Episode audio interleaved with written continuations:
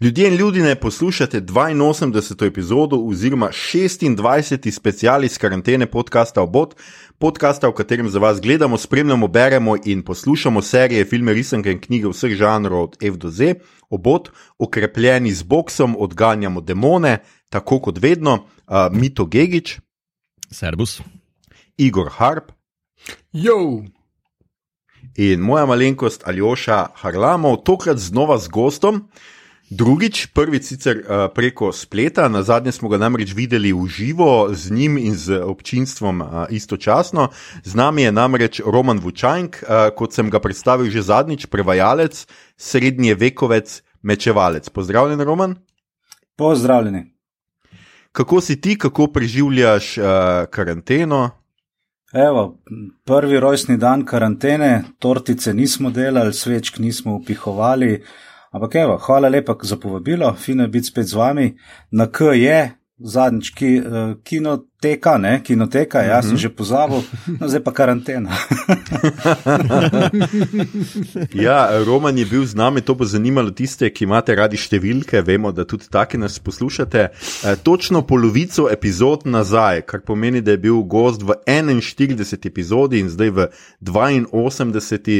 E, to epizodo smo posneli lani v kinoteki v živo o filmu uh, Ženska Sokol. Um, Trenutno pa mi žal ne pogrešamo samo epizod v živo, ampak pogrešamo tudi take, ki smo jih lahko snemali v istem prostoru in upamo, da se seveda k temu kmalo vrnemo. 82. epizoda je torej 26. special iz karantene, namenjene našemu duševnemu zdravju, z njim pa želimo lajšati karanteno tudi vsem vam, ki ste te dni doma. Upamo, da to obdobje preživljate brez prevelikih pritiskov, finančnih in drugih, med svojci zdravi, ljubljeni in navarnem. In vsekakor tole snemamo za vse tiste, ki si izolacije ne morete privoščiti, oziroma vam je kapitalizem ne privošči, pa tudi za vse pogubne in preobremenjene, premalo cenjene ljudi tam zunaj ki se dnevno izpostavljate, da bi pomagali najšipkejšim bolnim, pa seveda, da bi omogočili izolacijo vsem nam, ki imamo ta privilegij. Hvala vam, tega ne bomo in ne smemo pozabiti. V današnji epizodi bomo govorili o španski, misteriozni, grozljivi seriji Trenta Monedas ali 30 Coins oziroma 30 srebrnikov, kot smo mi to prevedli, 30 šeklov bo hotel biti, da je, ampak ostanemo pri srebrnikih, ki jo lahko obodete na HBO, kjer je od 29. novembra lani.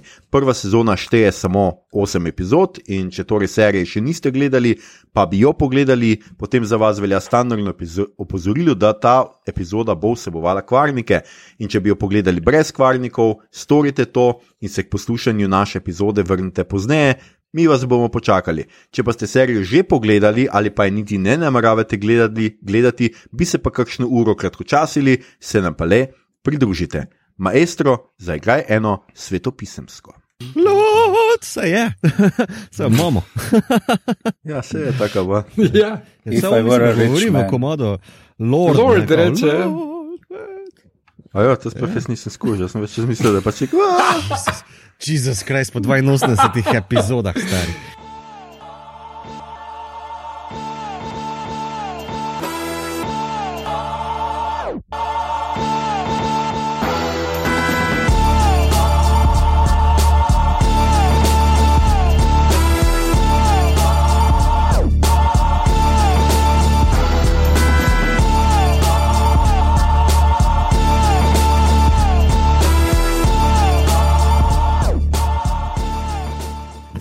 Skratka, to je bil naš intro, mi smo nazaj. Uh, tema je 30 srebrnikov, gosta imamo, z nami je Roman, spet, spet, kot sem že rekel, po točno polovici epizod, kar smo super naplanirali, čeprav nismo planirali nič.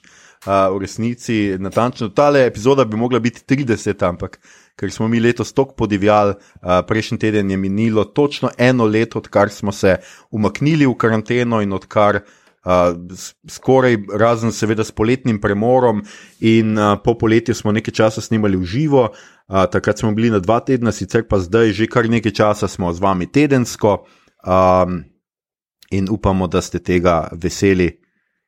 Uh, vsaj toliko, kot smo mi utrujeni. um, skratka, 30 srebrnikov, prva sezona, najdete jo na HBO Go. Uh, lani novembra prišla ven, uh, ustvarjalec in režiser, uh, pa tudi soscenarist je Alex de la Iglesia, uh, ki, je, ki ga poznamo po žalostni baladi za Trobento, ki je bila v kinodvoru.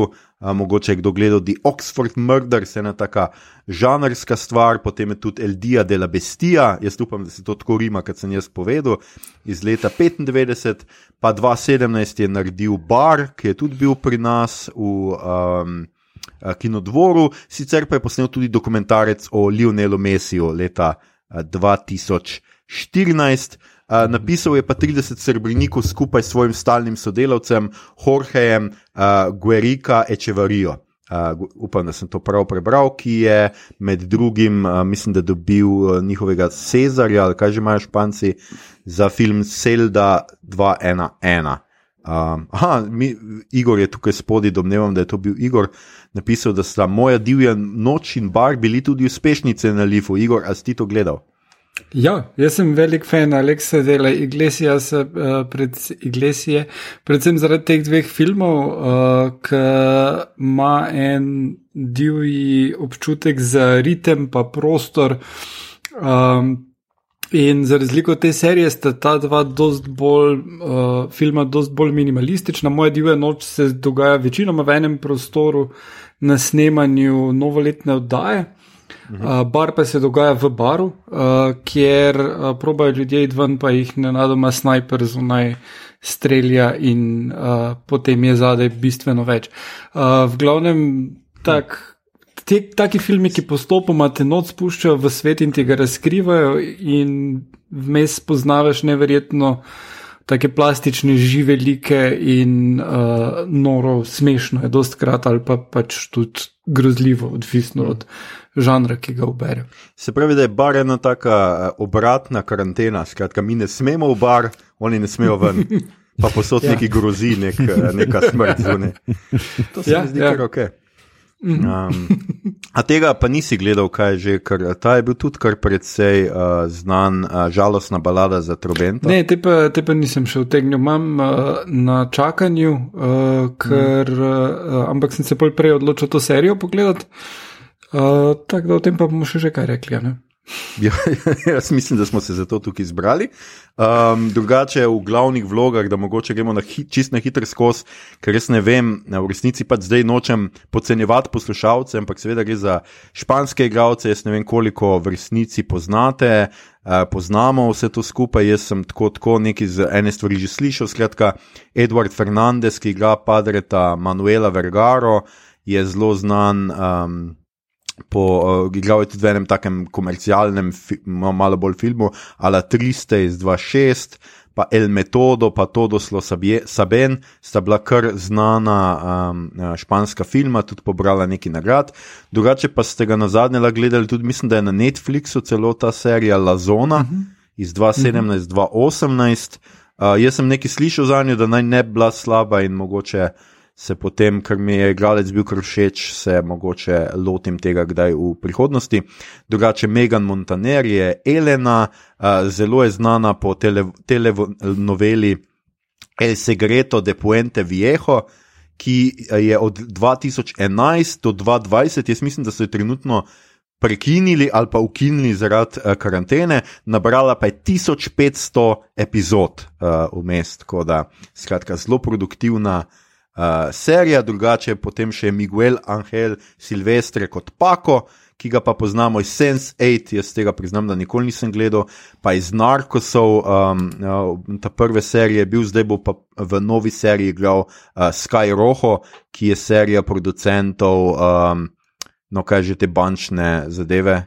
Ah, ker ropajo banko, ali noben tega ni gledal, kako smo mi. Kasa del papel.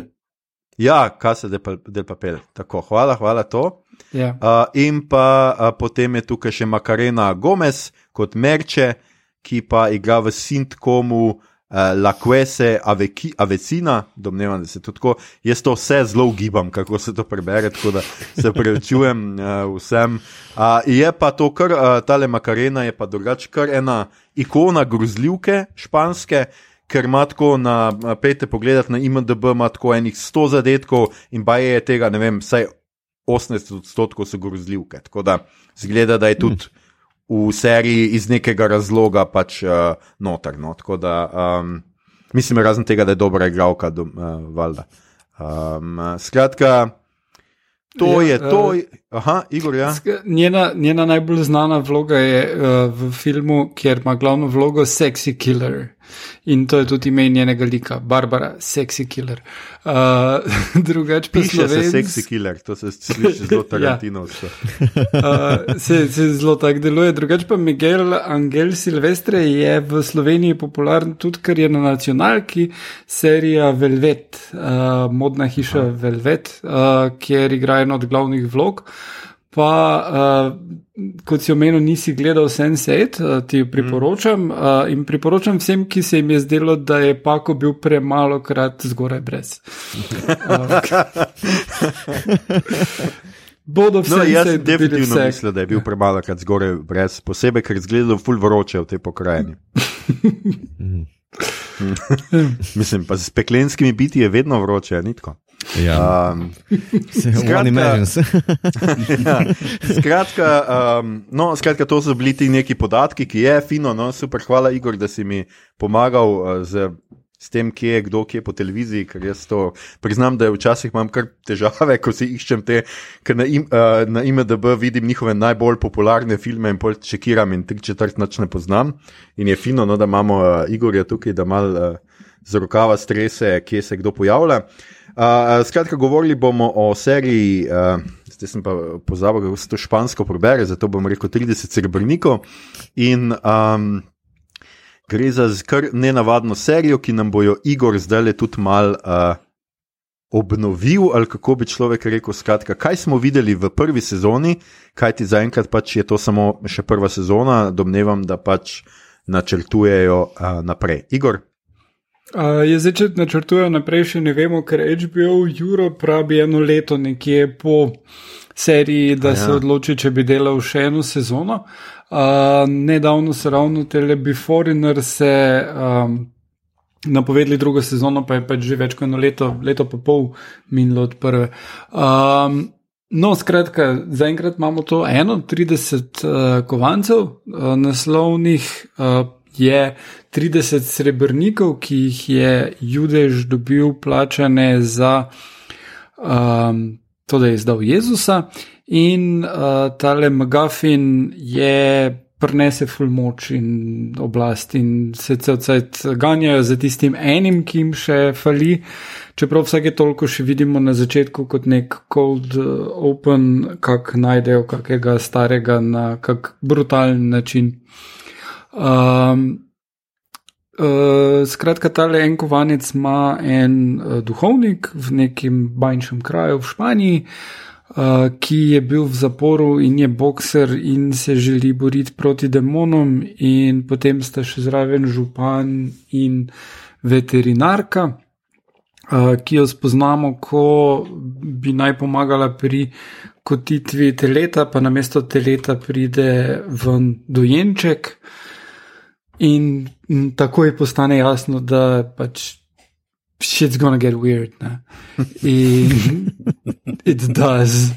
Um, potem pač iz ene uh, serije vseeno epizodična, čeprav imaš pač tale lok, da tele kovanici iščejo in tele uh, demonski služabniki, anti. Mm, mm, Kardinali, ali kakorkoli bi rekel, uh, pač zbirajo vse skupaj. Um, drugače pa imaš pač posamezne primere, kot tale Spider Baby v prvem delu in pač ne vem, neke različne pošasti, različne uh, dogodki uh, v vsaki epizodi. In uh, uh, potem na koncu je velik finale, ki je dost grandiozen in krval. In uh, potem navidezno zaključijo, ampak pustijo odprto, tako da bi lahko se bitka nadaljevala na nek način tudi v m, še eni sezoni. Ne? Zdaj pa um, Roman je napisal en milijon stvari, ampak in, in nas ful zanima vse, kar imaš zapovedati, ker tole, kar si napisal tole v, v te naše zapiske, je fascinantno. Imam pa najprej eno vprašanje, ki je povezano z naslovom in to je 30 kovancev. Uh, 30 monedas, uporabljena tudi v angleščini coins, zakaj ne srebrnikov, pieces of silver, ker sem šel pogledat tudi v španščini, je neka druga beseda, ne monedas, uh, za te judeže v plačilo. Imate um, vidva idejo, oziroma roman, bi kar ti. Um. Pač hvala. Je, zdaj, ja, jaz sem tam notro zapiske pač dejansko pisal, kar kol me je na pamet padlo, ko sem gledal to serijo. Um, in zato, ker je taka, da um, se, se notro zadira in v zgodovino, in v te neke para zadeve, in ima nekega to smisla, čeprav je vse skupaj zapakirano en tak lušen, mislim, lušen, en tak action, action uh, dogajanje. Ja, za mm -hmm. teh 30, ne. To je dobra stvar. Zdaj, ali moneda samo zato, ker je dejansko kovanc in da ni, da ni kakih drugih stvari, pa jim je najbolj pasalo, ali vem, uh, so prodajniki se tako spomnili, da 30 moneda, strengta moneda, bolj paša ali pa ne. Čeprav je res, da uh, se za te judežove se zmeri ve, da je sreb, srebro tisto, ne? ni, tle sploh ni nekih dvomov. Ne? In uh, zanimivo je tudi to, da še danes, po tolkem času, pa je toliko povedano, in recimo se še celo ne zna točno s prstom pokazati, kaj za ena valuta je bila to. Ne? Ker ali je bil, uh, pravijo, da najbolj verjetno so bili ti srebrniki iz tira, uh, ki so imeli najvišjo osebnost srebra in so jih kot take v templju sprejemali. Ne? To je ta, to je ta um, v bistvu glavna stvar, da v templju, kjer se je plačevalo, za, tam si v bistvu srebrom kupu žrtveno jagnje oziroma žival, ki so potem v tvojem imenu tam žrtvovali svečeniki. No, skratka, da so spremljali te kovance iz tira, ki so imeli največjo osebnost srebra. Meni je bilo to zelo ok, da niso dali kakih rimskih kovancov noter, ker to bi bilo praktično um, nonsens. Uh, zakaj mm. bi ne, z okupatorskimi rajhsmarkami tam neki plačevali po pol ljudi, žudajali pa take stvari. Ne. Tako da to zdaj tega vprašanja ti mogoče ni, nisem zdaj ponudil nekega konkretnega dogovora, odgovora, ampak je, je ena taka podzgodbica, je ena taka napetost, zakaj ravno ta moneda, zakaj ne, ne vem, plata in ne vem kaj srebro in ne vem kaj gordol. Um, sem pa tam samo omenil, da tisto, kar je pa meni bilo všeč, je to, da so se izognili ustvarjalci tega, te serije, da so se izognili tem enem brezveznem poudarku ali pa da bi gledalcu neki vlekli pozornost stran, uh, da bi da tisti, ki so honorar dali ljudi, že so bili dejansko tempeljski duhovniki, ne, svečeniki, kajfa. Kot veliki svečenik. Mm -hmm. Tle so rekli, da je Rimljani ne to naredijo, vi ste bad boys, v špici je vse povedano. Uh, in mi je to kul, cool, moram reči. Gledalci ve, zakaj se gre. Tok zgodbe v Judežu vsi poznajo, vejo, kaj se pol z Judežem zgodi. Um, in to je to, ne? mislim pa še takega solušnega zbrali, tako da v filmu, ko ga, mislim, v seriji, ko ga vidimo, ta kovanc, ali pa te kovance vidimo takoj, ne, po tistem portretu gor, to je to, ne moreš valiti, uh, niso neki šilingi, tolari, talari, kar češ imeti drugega, ne, um, mm -hmm. tako no. Ja, okay. A jaz sem mogoče eno razliko videl, ker ne vem, če meni nekdo srebro uh, omenja, mogoče to zdaj moderna hiba, ne, ampak uh, da že to nek dekor, nakit, uh, nekaj, kar je malo kičasto, no, veš, ali je to, uh, ne vem, prstan, whatever. Ne.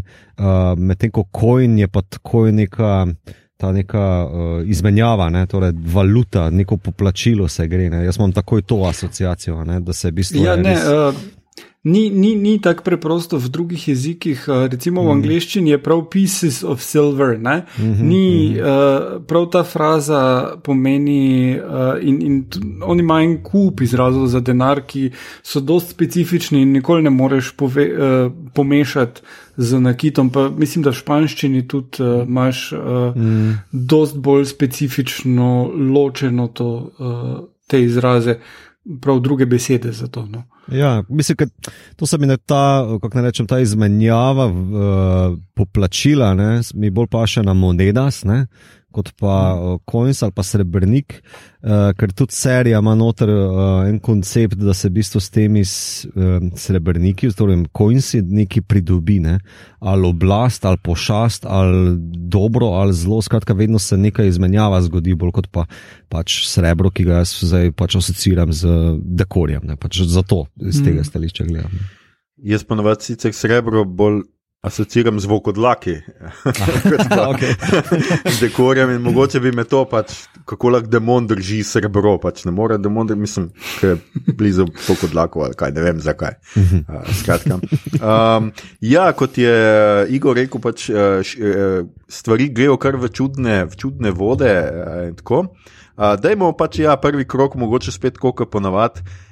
Kaj se vam je pri seriji pač najbolj dopadlo, ne? kaj je bilo tisto, zaradi česar bi jo priporočili uh, gledalcu, uh, pa je to za začetek, pač to bomo v kakšnih negativnih, pa seveda podrobnosti pozneje, ampak zdaj za začetek. Pač kaj, kaj mislite, s čim lahko ta serija nagovori gledalca, ki uh, vendarle pač rečemo, ne, da uh, se slovenski gledalec tudi tako, kot globalni gledalec pač. Uh, redkeje posega po, po uh, evropskih, recimo, produkcijah, bolj posega po ameriških, tukaj pa imamo pač eno uh, špansko produkcijo, tudi mogoče, kaj je, kaj zaradi česa je spet ta španska produkcija, v čem se vidi ta evropskost, španskost te, uh, te produkcije. Skratka, mm, en takle, pa mogoče kar roman bomo s tabo začeli, ker si seveda gost. Kaj je tebi bilo, kaj je tebe najbolj pripričalo pri tej seriji, zaradi česa bi jo pri, priporočil uh, neznanemu mimoidočemu ob desetih zvečer? na vaški cesti. Ne? Tako, na vaški cesti, ko sta seveda čisto, čisto sama in je popolna tišina in tama. Tako in rečem, poslušaj, poslušaj, tle imam nekaj zapovedati, tam je bila ena krava in iz nje se pol, je povrgla enega otroka, ki potem v dveh dneh zrastel v pošasne. Ja, to, to je tak en dober začetek pogovora pogovora in mislim, da bi lahko vodil krasno prijateljstvo v kakšni ustanovi.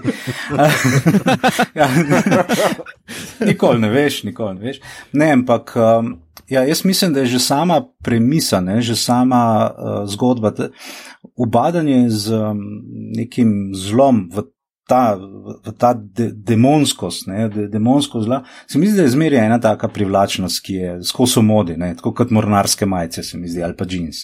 Um, malo bolj, malo manj, ni ja, ni ne, ampak skozi je lahko nekako zraven. Uh, druga stvar je zato, ker je uh, serija. Se meni zdi narejena tudi tako, precej eksotična, uh, da zmeri ponuja neke nastavke, o katerih smo že slišali, pa približno nekaj vemo, ni čista neznanka, hkrati nam podpre eno, ne vem, ne, neke tokove, narativne, um, neko fantazijo, neko, pa hkrati ena taka zanimivost, en pasatjempo, da, da si za prosti čas lahko zapolnimo, hkrati nam pa tudi mogoče ostane kak razmislek.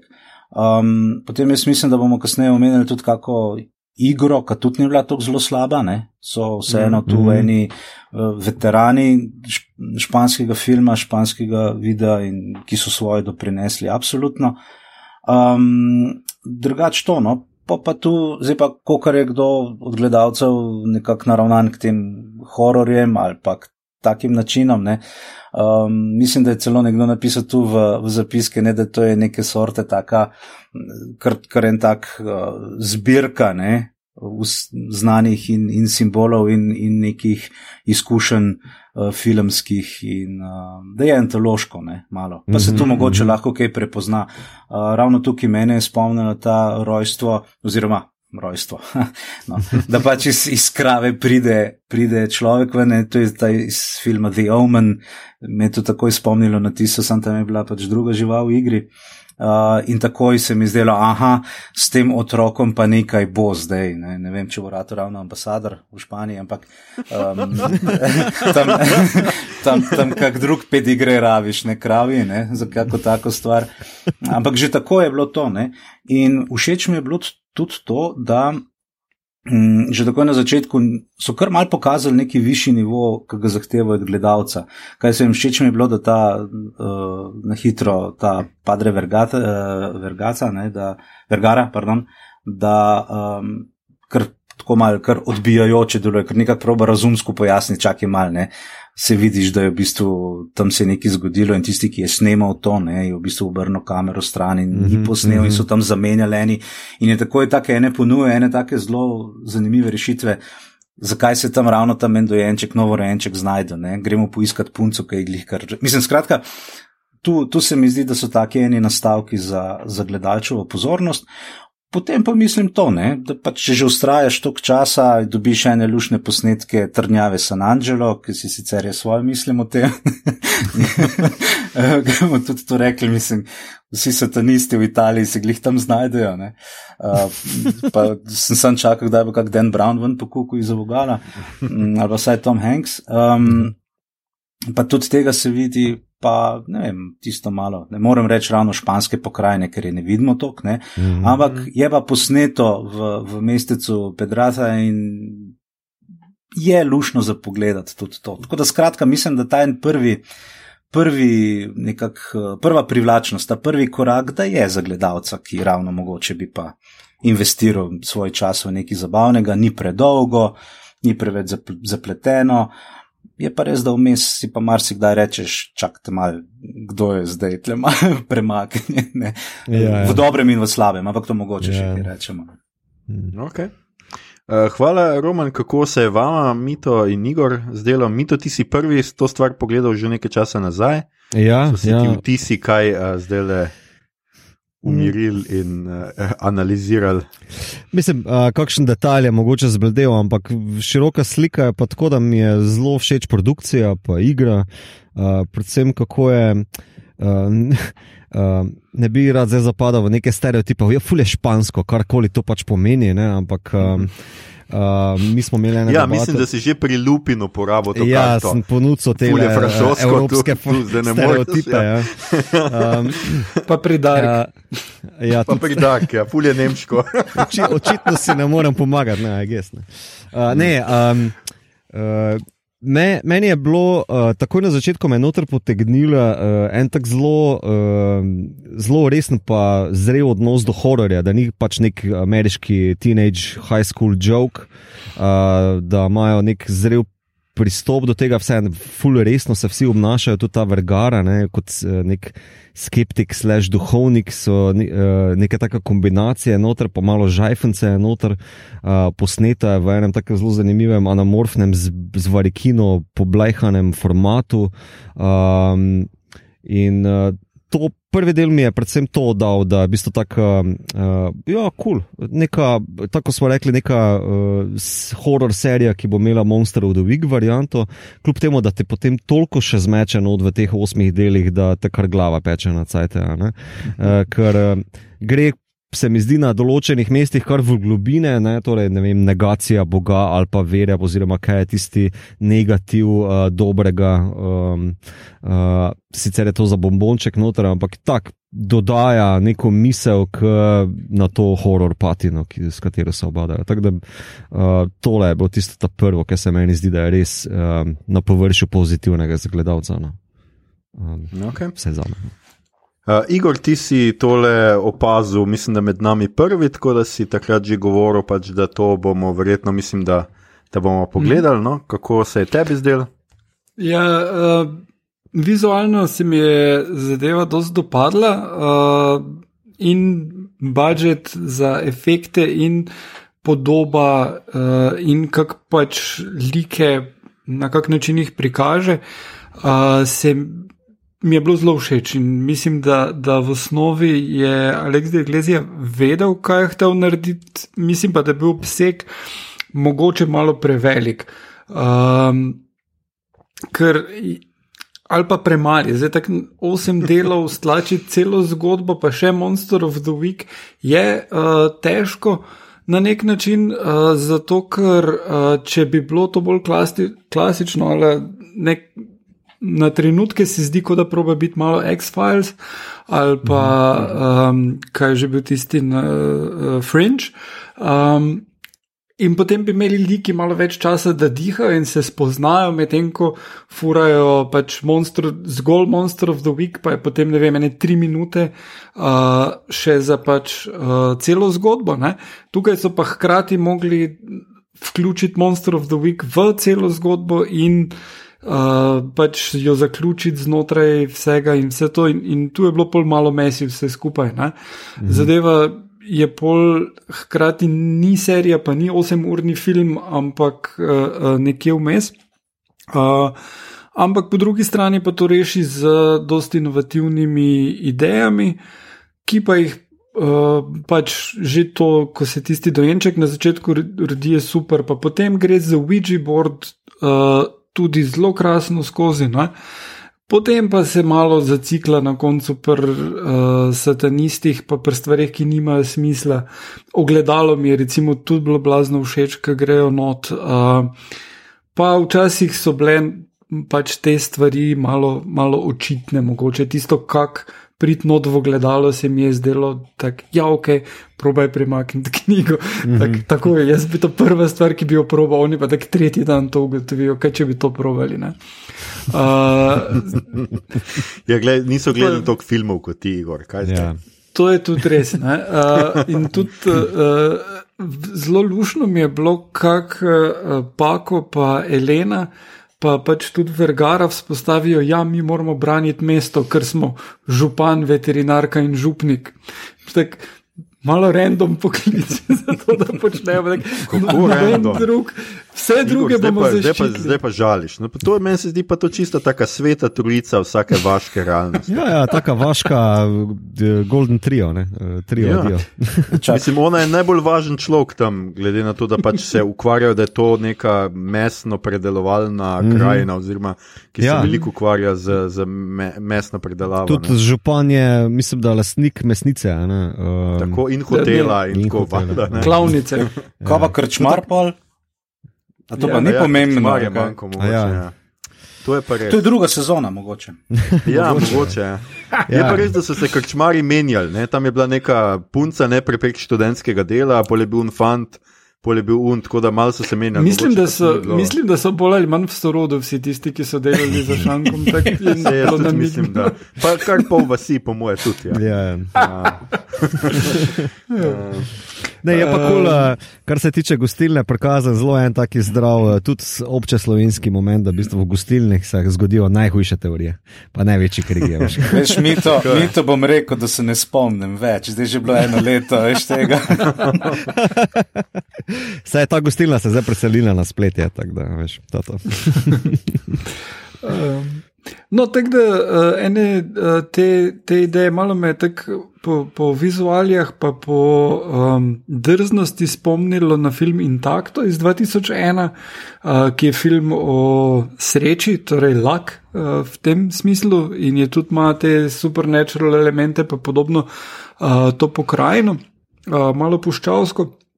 Uh, um, pa uh, pač te vse um, katoliške ideje noter so bile na malo drugačen način uporabljene, ampak bi si osebno želel, da bi bilo še, še bolj drzno. Ne? Recimo, že od uh, Rosemary's Baby, a res morajo biti vsi satanisti, geriatriki. Ne? Mislim, se imaš tudi one mlade tam vmes, ampak ful so tak neki. Eh, Da je mi malo bolj, ne, malo žmohta v ta satanizem, naj bo vse malo bolj, ne vem, japi, ne, ne japi robot, ampak prav, ne, tako eh, pačino v onem filmu, ki je hudič. Hudič, odvetnik. Malo je. panaš. Satanist pa našem, ok. Uh. Ja. Uh, ampak ja, uh, mislim, da, da vsak, uh, ki pač je bil vzgajan kot katolik, kar je zelo velik del slovencev, bi znal oceniti ful stvari v tem uh, filmu, pa tudi uh, vsakdo, ki je pač metalec, vsi ti narobe obrnjeni križi, govorijo sr k srcu. No, jaz se sicer bojim, da vsak vzgojen katolik ne pozna tok Biblije, da bi ene te stvari znal tako dobro ceniti. No. Mogoče, če je Dan Brown kaj bral, ampak jaz ne vem, kako Dan Brown govori o kajnitih in podobnih uh, sektah. Um, ja, no, jaz moram tudi reči, da meni je bila kar taka. Um, Zanimivo, meni je bilo pa zanimivo, predvsem z tega stališča, da stvar deluje precej kot slovenski roman. Uh, namreč v tem smislu, da zdaj ne vem, jaz sicer nisem gledal, nisem ujel, ampak če ste gledali, um, zdaj, kako so že prevedli, kako so že naslovili film. Skratka, film ali pa brali, seveda, knjigo, ki jo je megla prinesla po um, Ferija Lančka ali pa recimo njegove Vovčje noči od uh, Vlada Žabota je točno ta neka scena, skratka, ima župnika, za katerega nisi čizihar, a, a je še veren ali je zgubo vero ali kaj se z njim dogaja, a, pač fulkadi bo, ta boksa, no, pri nas pijejo bolj kot ki boksajo. Uh, in pol imaš pač to nek okrog njega, pa je pa v neki zakotni vasici, kjer pač ljudje niso najboljše katoliški, ampak so pogani. Tukaj sicer tega momenta tok ni, je pa velik tega nekega poganskega vzdušja, pač s temi kozimi glavami, da se satanizem dosta uporablja te kvazi poganske uh, stvari. Ne? In se mi tukaj zdi, da je bilo kar nekaj uh, pač zanimivih reči, pač meni so bile tiste. Pobite koze na koncu, pa, pač kot da so, ali so bile ovce, domnevam, da so bile ovce, no, glede na to, da je pač jagnje božje in, in, in te pač metafore, skratka, ki so bile razpete, pa tiste lobanje po celem gor, pa muhe povsod, pa kri, pa smrad. Tist mi je bilo že kar mal mučno gledati, eh, na koncu se mi je zdelo že res, ko, o oh, fakt, pač ti satanisti res grejo all over. Uh, pač, res hoče biti popolnoma drugačni, tudi po higieni, očitno. Ampak um, to, no, zdelo se mi je, da vseeno serija se trudi. Uh, da s temi nekimi, uh, tako kot je Roman rekel, ja, to sem jaz zapisal, z nekimi zelo takimi antologijskimi, pač z antologijskim pristopom k nekim monstrom, hkrati pa k temu nekemu, ja, kot smo rekli, omen, ne ta otrok, ki se rodi, uh, pač antikrist, ki se rodi iz uh, živali, pa potem, um, kaj še imamo, to magično gledalo, recimo, ja, pa doppelganger, ki je nek, neke vrste golem, mm -hmm. ki ga čarovnica vodi. Mm -hmm. Pač to so take zelo pravlične, mitološke stvari, ki pa jih jaz mislim, da kar ok, kar ok. Prenovil in izpeljal, predvsem pa ja, jaz moram reči, da meni je bila kamera zelo zanimiva, no, da mi je res bila ta nek, ta neka res slika z, z nenavadnimi barvami, no, ki se, se mi je zdela zelo posebna in nenavadna, in, uh, tako, in pa naspidirano. No. Mm -hmm. tako, na začetku mi je bilo res, rabo nekaj časa, da sem se navadil, ker prvi del je res tako, bam se rodi ta otrok, bam spoznamo župnika, bam spoznamo vse glavne like, bam ta dojenček, ta prizor, drugače meni še vedno najbolj grozen in spet smo pri teh. Otrocih v hororju, mm -hmm. ta mm. gromozanski dojenček. To je bilo samo to, pol kot pajek mi je bil ljubši, skledom je čisto ok, Ampak ko je bil tisti ogromen dojenček, ki ona pride, pa se tako iz teme, iz sence ven pojavi in tako kome hodi, ker tista njegova glava je tako prevelika za tisto maj, za telo. Mene je bilo to tako kripi, uh, da, da res. Uh, Mislim, vsi ostali demoni mi niso bili tako kot tisto. No, pa seveda, ok, una, ki si prereže čeljust z, mm -hmm. z nožem, tisto mi je tudi bilo malo tako. Mm -hmm. To, to je bilo lepo, imaš uh, del Toro. No? Ja, pa Mona Lizi. Mm. en, um, en zelo, zelo uh, dober kričer dizajn je bil, pa ta uh, občutek uh -huh. za. Uh, Telesno nelagodje, no, tako sem izrazil. Ja, uh, tak taki zelo... organski kričari so bili, ja. niso bili taki kot alien, ampak bolj, bolj the thing. No? Bolj the thing. Ja, jaz bi celo skoraj da Kronenbergovsko se tukaj v bistvu uh, spogledoval, ne, ker je uh, zelo taktilne uh, efekte sem jaz občutil. No, um, no ampak pri pr Kronenbergu tipično grejo na telo protagonista, tukaj so bili oni relativno safe. Ne. Uh, Tako da si tudi kot gledalec malo bolj safe kot pri Kronenbergu. Uh, je pa to, to je tisto, kar pa naredi zadevo, recimo evropsko ali špansko, ker američani bi to CGI-ali. Mm -hmm. In to bi bil mm -hmm. full on CGI in bi bilo boring mm -hmm. as mhm, fuck. Mm -hmm. uh, Tako da. Uh, To, to se mi je zelo dopadlo. Ta je. Res, creature design je. Ja, ja čist uh, top noč, res top noč. Čeprav se mi pa mogoče zdi, da so pa res, kadar so pa uporabili ta CGI, da se pa tam mogoče mal, ne vem, so mal zmanjkalo budžet ali kaj, ampak na, mm. na momente, sploh tista, kaj je bila peta epizoda, tam, ki jih v, v ravno teh nekih rovih spodi pod San Angelo trnjavo, ki jih tisti kričer, mm. ki lovi Vergaro in, in Sandra, nekaj mm. proba to obežati. Tam yeah, se mi je pa zdelo, ne vem, da če bi dete mal zmanjšati te filtre, pa bo veliko, ne vem, nekdo naj luč malo ugasne, mm -hmm, pa da bo malo pa v mhm. teme, pa yeah. bi ja. veliko mm -hmm. večji bil tak efekt. Ker ti se mi je zdelo mm -hmm. kot ena, ne vem, Wolfenstein igrica. Ne? Mislim, uh, ne, se, okay. tem, uh, proti pa... koncu se. Eh, proti koncu se je zelo zdelo, da jim budžeta zmanjkuje. Najbolj se pa to videlo v Motorcadu, ko se pripeljajo vsi satanisti v črnih avtih. Sta prva dva protokolarna Mercedesa, ta tretji avto je Mercedes, ampak je že cenejši model in potem progresivno tako padajo cene tistih avtov. Mislim, da na koncu nekje sta celo ena Kia Ceed, not pa Ford Focus, tak, kar so res ono že budžet avti, ne? ampak ja. pač so črni, pa spolirani. Ja, le, leasing si lahko bi... očitno privoščijo samo najvišji šaloni uh, satanisti. ja. ali, pa, ali pa so vse, vse fancy avte v regiji že pobrali črne. ja, ja, ja. Je na hitro pršil, veš, na hitro je pršil še en škof tam iz Novosibirska, pa ni bilo drugega, ja. kot na Kija črna. Ej, samo to so še prej hteli reči, uh, veš, veš ta smrad pa krip, in tako naprej, uh, ker očitno satanisti sami um, iščejo neko drugo estetiko. Ampak misliš, da imajo satanisti tudi svojo zdravstveno inšpekcijo? Um, da poznajo. Ja, sploh ta, kaj je Belzebub, je verjetno kot mm -hmm. inšpektor, ne te un z muhami, The Lord of the Flies. Mm -hmm. Kar se zmeri spomnim na ono sceno iz, iz Konstantina, ne, ki je pozabil sem ime tega sodelavca od Keanu Rivsa, ki, ki tam pod zadaj. Zadaj za tistimi uh, v, v keglani, ne?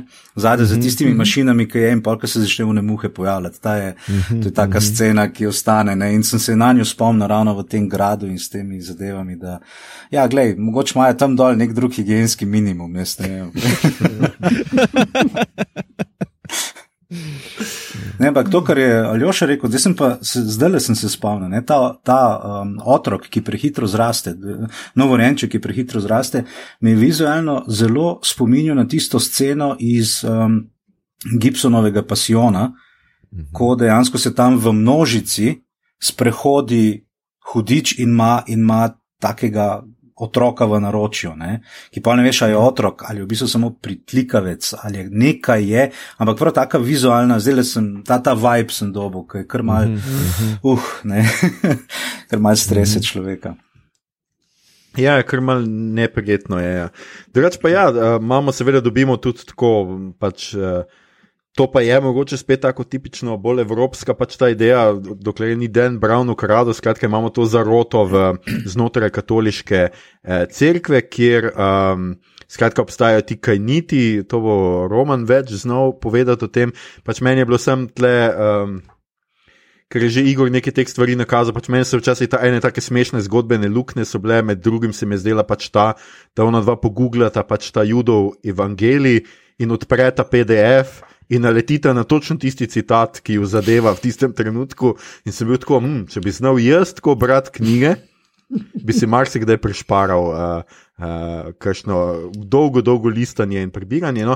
Ampak kaj sem hotel reči? Skratka, kaj ni ti, ki verjamejo, da, če sem jaz prav razumel, da je zlo del božjega načrta in da je treba delati zlo, da si bliže Bogu ali, ali kakorkoli. Uh, Roman, ti boš znal povedati, ali je to kakorkoli zgodovinsko baziran, oziroma ali res obstaja takšna ločina verska ali je to samo nekaj izmišljenega. Ja, po, um, začetek je v bistvu kar ta pravne in dejansko tudi precej aktualen.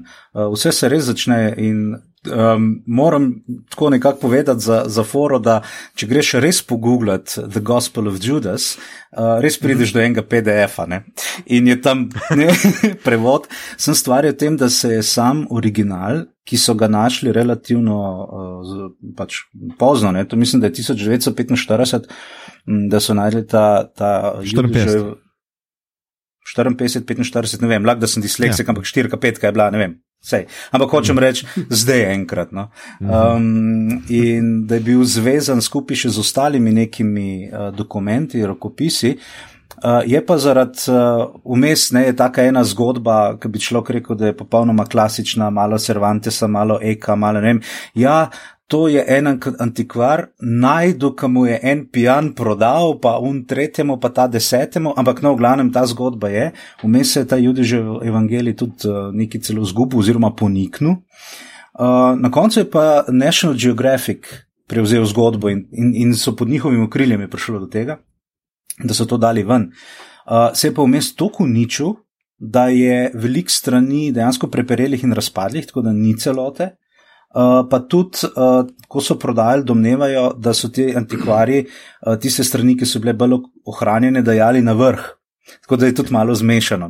Tako da, tako da je, je to en tak projekt skupaj sestavljati in prevajati. Se pravi, uh, v Judeževem evangeliju dejansko piše, da je bil Judež najbolj, uh, se je najbolj približal temu uh, razumevanju resnice. Ki jo je mhm. Jezus širil od vseh ostalih apostolov, in ne bi ga Jezus pač njega poklical, vzel in mu razložil, v čem je stvar. No, in to je ta ena, to je ta ena filozofski pristop, ki je zelo značilen za ta del vzhodnega sredozemlja v tistem času. Namreč to gre za eno zapuščino in helenizma in judaizma in to, to se stvari dogajajo. To je intelektualno brbotanje. Je, se mi zdi dober izraz. In tu pač so pogruntali, so razmišljali v smer, ja, ok, zdaj če imamo tam enega uh, boga in še tukaj se navezuje na Platona in njegov, ne, ta en demiurg, ki je stvar ustvaril vse skupaj, je polje zelo nekako tudi del tega. Ne? In potem mhm. si to sistem tudi nekako pojasnjevali, zakaj Bog oziroma ta stvarnik oziroma to neko bitje tudi to dopušča. In potem so si razlagali, če je potem Jezusovo križanje moralo biti, um, se je zgodilo iz izdajstva in pač tega, kar je Judeš naredil, se pravi, aha, pol je Judeš že bil del tega načrta in to je pa tu, kjer pridemo v to zgodbo, Lestrente Monedas, je, da m, mm, potem je delati zlo, enako dobro kot delati dobro, kar je del božjega načrta. Ne? In kdo si ti potem, da boš povedal, ali sem jaz right or wrong. Ne? In to je taka ena zanimiva stvar, kjer se zadeva, potem, od tu se ta pelje in potem ta, je, je, je ta nastavek. Um, da ne gre samo za neko oboževanje Satana kot nekega bitja, kot mogoče vidimo v The End of Days ali pa ne v nekih drugih takih pristopih, kjer se pač tam eno entiteto prav Satana ali pa Luciferja ali včasih kar mal mešajo eno in drugo um, mm -hmm. dogaja, ampak da gre za prav ideološko sledenje enemu. Ne vem, vesolje na zorju ali stvarstvo na zorju, ali kako koli bi rekli temu. Ne? In to se mi zdi tako zanimivo. To je del gnoze, uh, vsem tem enem, eni veliki gmoti nekega pristopa k religiji. Um, in ta judežev evangelij je nekaj, kar je zelo moderno. In če je Dela Iglesia to vzel, je to zato, ker je mogoče ravno par let nazaj potem bral ne? in je še nekako frišno. Mogoče tudi kdo mm. gledalcev si je zapomnil ta od National Geographica mm, te, te mm. ene prispevke in se zato lahko navezuje. -hmm. Tako da ni čist neki navadna pokrif, ne, kot smo jih videli, mm -hmm. teh apokrifov, od kaj je bil on film Stigmata, ne, mm -hmm. s Patricio Arquette, ali ne vem, je bila ali ni. Uh, no, glavnem, ja, ja, ja. In, in jih imamo en, pa so te apokrifi, oni apokrifi, Dan Brown, na, na, na. ne, ta je tak najbolj frišen, pa nekako. Pokriva tudi eno zadevo. Točno, imaš prav, tudi v stigmati je bil apokriv, točno, ja, zdaj se pa spomnim. Zato je tudi, mogoče ne sem pa kam, Igor, ti si hotel nekaj še ja, vprašati. Eno vprašanje imam, ki, ki je en, ena logična zagata tukaj not. Ne? Če oni menijo, da je delanje zla enako kot delanje dobrega in menijo, da je bil Judež najboljši izmed uh, apostolov in da je to delal po Jezusovem naročilu, potem pridemo do tega, da Judež Jezusa ni izdal, ampak je delal po njegu. Delal to, kar moral. In potem pa hkrati rečejo, da so ti kovanci uh, toliko mogočna relikvija, zato mm. ker poosebljajo izdajstvo, kar je največ negativne energije, ima whatever. Ampak ne, ne. Če ga on ni izdal, potem ti kovanci niso predmet izdajstva. Tu se mi je potem zdelo, da se ta filozofija malo zacikla s tem, da rabijo McGuffin, hkrati pa zanikajo njegovo vrednost. Mhm. Ja, tukaj zdaj res je, ne, mislim, veliko tle je, eh, ne samo v, v tej seriji, ampak tako nasploh bi človek rekel, da včasih logika je taka, ne, pri, priložnost na tangenta, ja, ja. da ne bom rekel kaj več. Ne. Ja, se zato se pa temu reče tudi stvar vere. Ne. Ampak um, ja, to, to je zelo, zelo taka v redu stvar, ampak to je vsaj moj moje mnenje, kar se tiče te serije, je to, da so to probali rešiti s tem enim upeljevanjem svobodne volje. Ne. Se mhm. pravi, da tudi, ko vidimo to eno, te ene, rečemo, demone ali pa enega demona v podobi angela, angelo, um, uh, ali pa kogarkoli drugega, vidimo, da gre dejansko, se mi zdi, spopade med ljudmi samimi. Ni tam en peklenšček, ki pride, pa ali pa nek arhangel Mihajl, pa ne vem, in on zdaj tam je nek entiteta in se je vojskovodje. Ne, pač ljudje se med sabo bockajo. Ne? In tukaj si jaz to tako razlagam, da pač, uh, tako kot je Al Pacino rekel, I just set the stage. Ne? Vi se pa morate odločiti in vi morate to speljati. Zato, ker če vi ne spijete, jaz vas ne morem voditi. Ne? Jaz vas lahko sam nagovorim, skušam da, da, da, da, da veste, uh, ideologija skušnjav in zdaj, če vi zagrabite, zagrabite, če ne, ne. Pa mislim, da Milton pol tudi uh, zastavi svojo dramo, ne? ravno na tem bojevanje za tretjino sveta in ta tretjina mm -hmm. so mhm. ljudje. Ne? Tako da jaz mislim, da, da je to to, ne? da so tle tudi to nekako dal.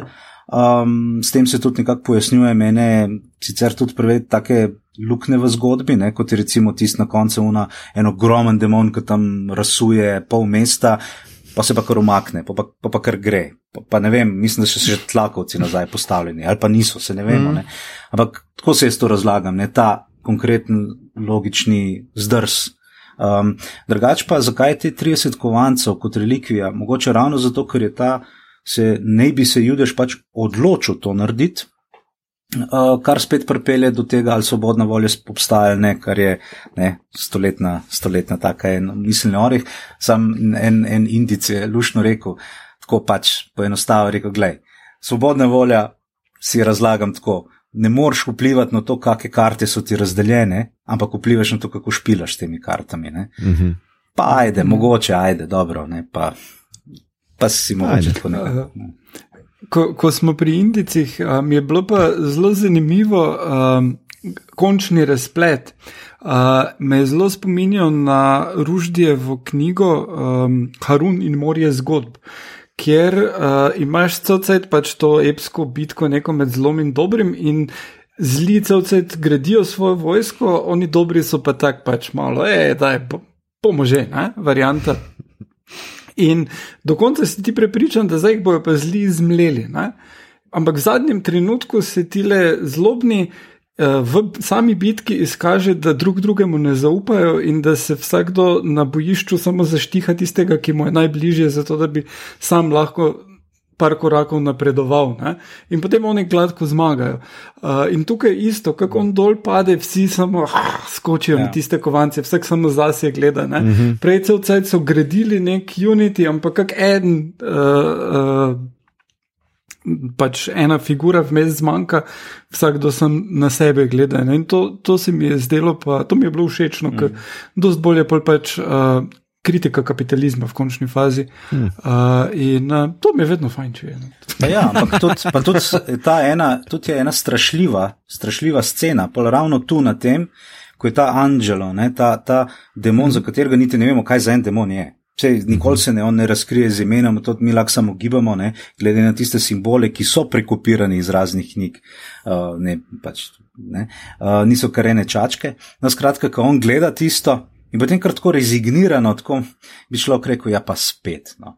In se usede in si pa da tisti hudi gor in se skozi ogledalo odpravi pa v neko drugo sceno in veš, da bo spet isto nadaljeval, sam z drugimi ljudmi, z mhm. drugimi mm. scenami.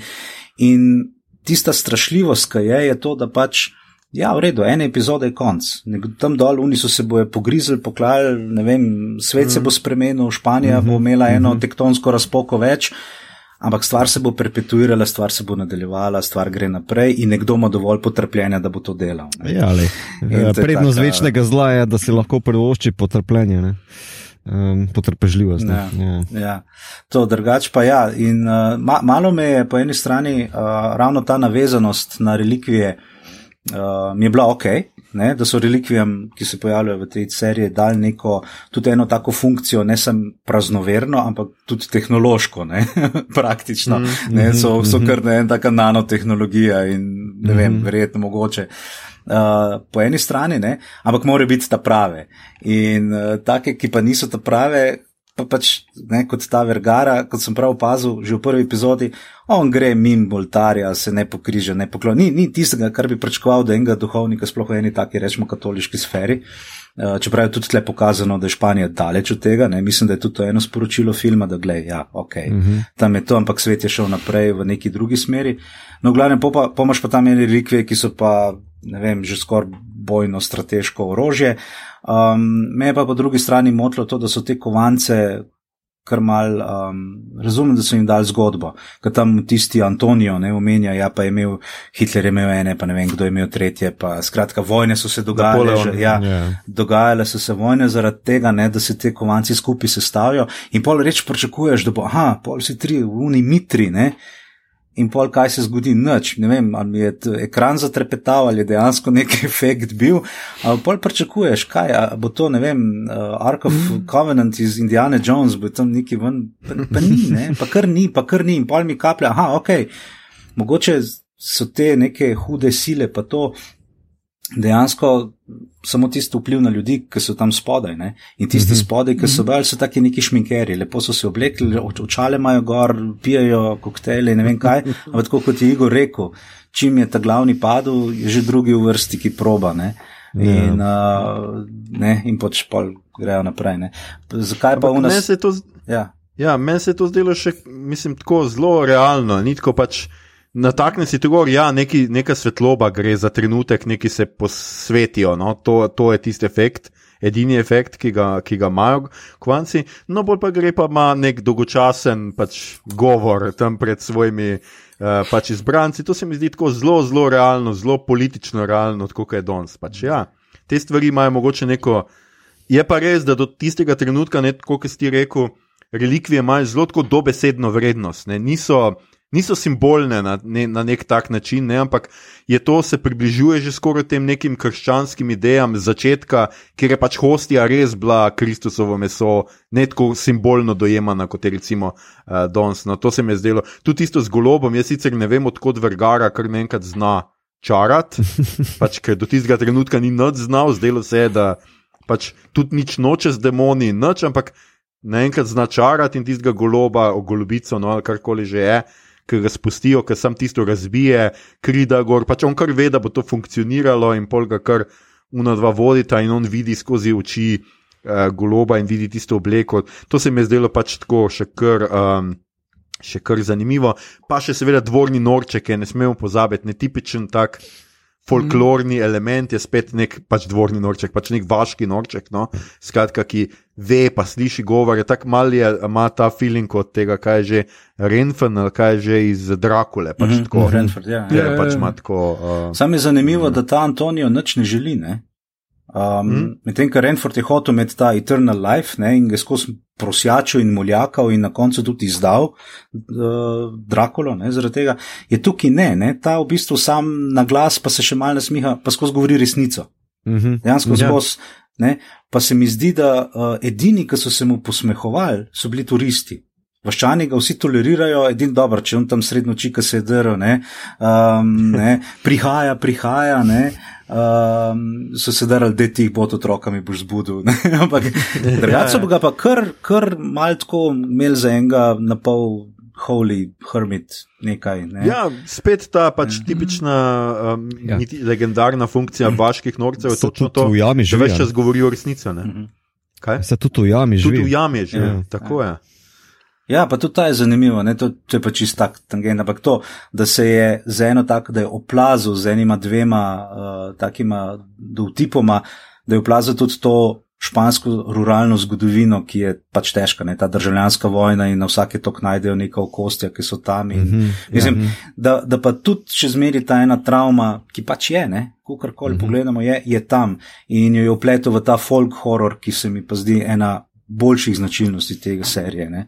Kako je ta ena, mm -hmm. pa se težko reče, da je to pogansko ali kar, se ne vem, ampak je folk in iz zemlje prihaja kot je to strašilo, ne? ta mm -hmm. mož od Elene. Mm -hmm uh, ki je mimo grede zanimivo, mi je, kako imajo te španci iste frizure, iste face kot v drugih serijah, ki igrajo. Ne? On je ravno sem ga videl v El Ministerio del Tiempo, kjer je igral pa uh, Lope de Vega, ne? tega znanga španskega literata mm. zlatega obdobja in je isti in si mislim, čak malo, ne mislim, da bi mu vsaj brke spremenili ali pa neki.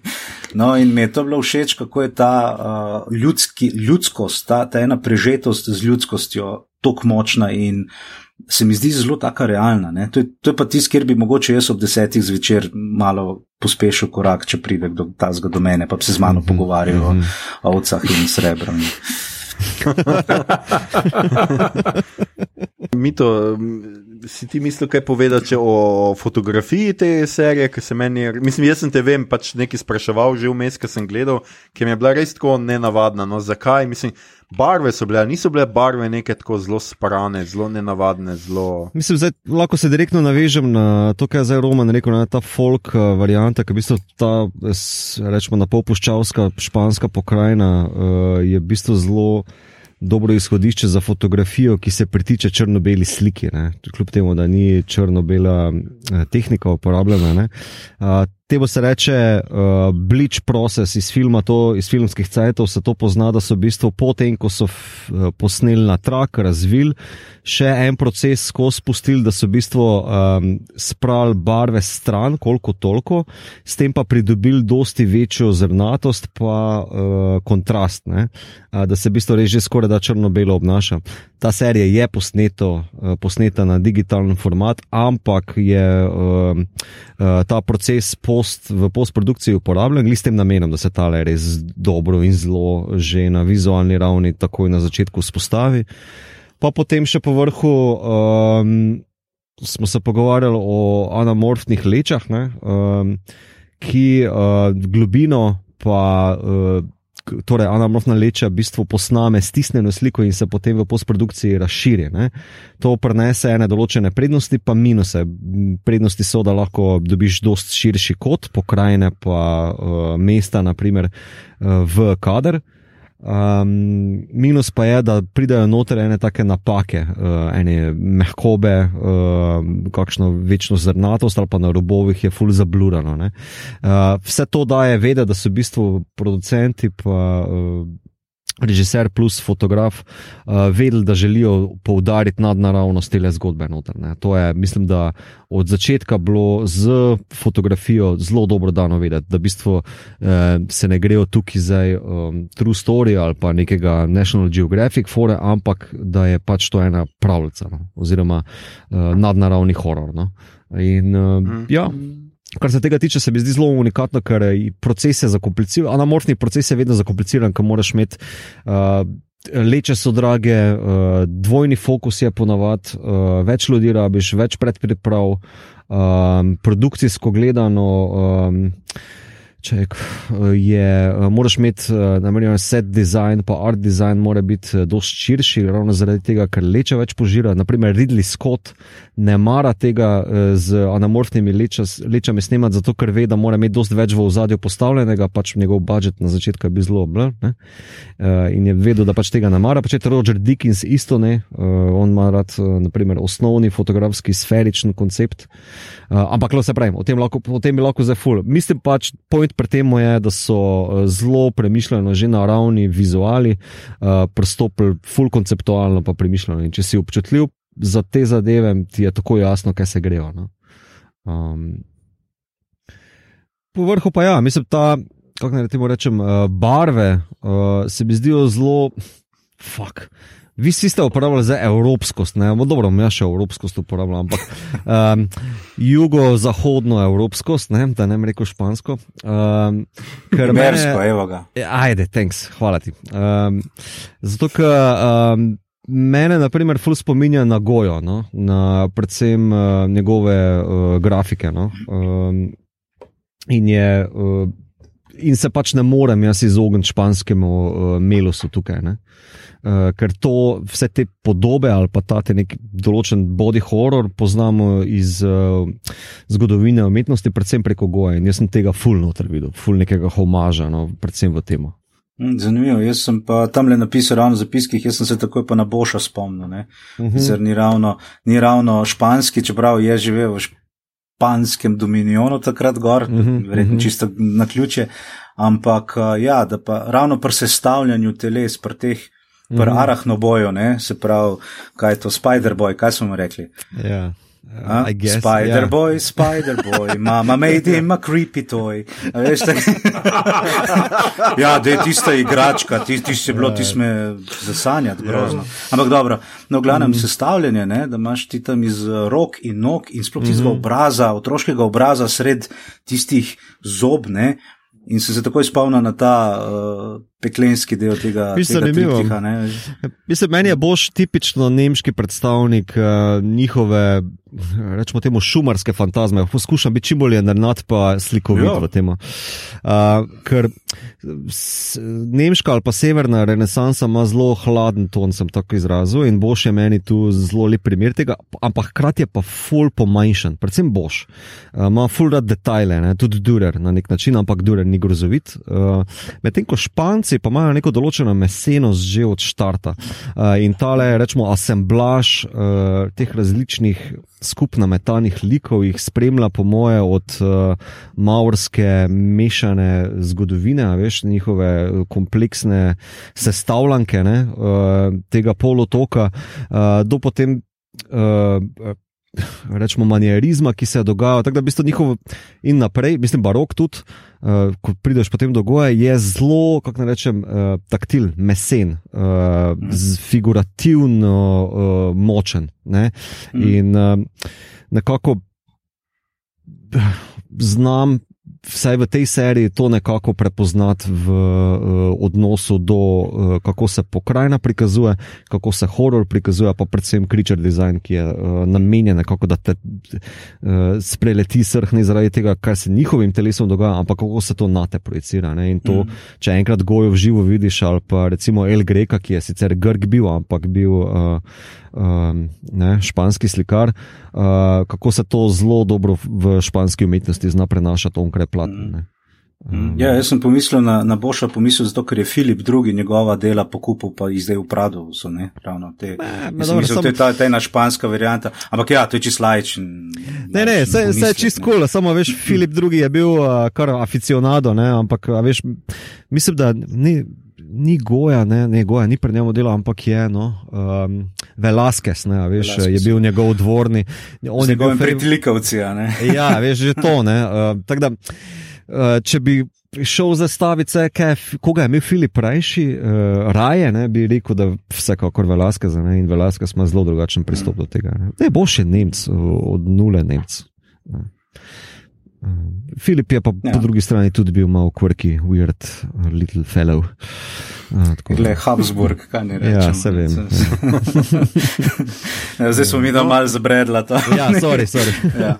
Toliko, da naši poslušalci ne bodo rekli, da nikoli ne, ne slišijo nič o umetnostni zgodovini v našem podkastu. Ja, slišite večkrat. Um, uh, tako da ja, je kdo hotel še kaj takega posebnega uh, izpostaviti? Uh, pač do smo tudi referenc uh, podali, ne, Alien, meni je ta folk horror mal spominjal, ampak zelo daleč no, na, na Midsommar, uh, seveda ne. Uh -huh. uh, tale dojenček tudi mal tako, oziroma dost stvari tudi na, seveda, na eksorcista, ne, kar je pač tudi povezano z eksorcizmom. Um, In tako naprej, mogoče je tudi tako, kar se meni zdelo na koncu zanimivo, je, da mu ta an, Angelo pove, uh, skratka, uh, vergar, kaj že vergara, je, kaj sem rekel, skratka, Padre tu pove, da je on Giacomo, skratka, da je on bil Giacomo in da mu je v resnici on potem dal ta uh, srebrnik, ki ga, ki ga on ima. Ne?